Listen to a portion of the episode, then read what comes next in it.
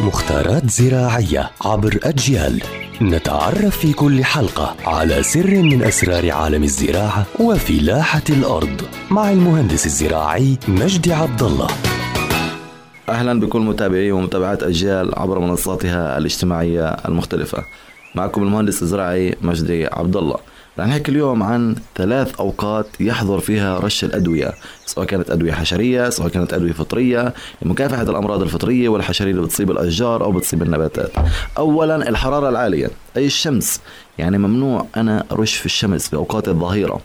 فبرش صباحا أو مساء. ثانيا الريح ممنوع أنا أرش في جو عاصف وريح. ليش؟ لأنه طبعا الريح بطير الدواء.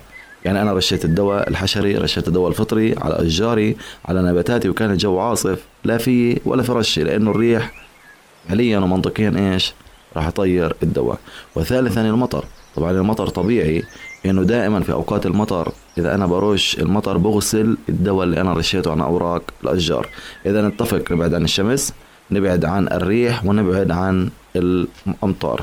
ونوه لموضوع يا إخوان دائما يعني في الشتاء أيضا يجوز الرش على سيرة المطر. ننوه لموضوع بالنسبة لموضوع المطر إنه دائما الشتاء يجوز الرش. يعني في كثير أشخاص بيكون شجرهم مريض بالأمراض الفطرية والحشرية بيحكوا لي إنه بالشتاء ما بنرش لا بالشتاء رش. طبعا في أوقات أكيد وفي أيام تيجي بالشتاء بيكون يعني مش مطر.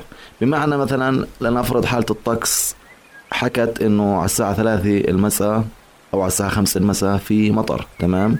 إذا أنت رشيت قبل ثلاث أو أربع ساعات من وقت نزول المطر فالدواء يمتص من قبل أوراق النباتات.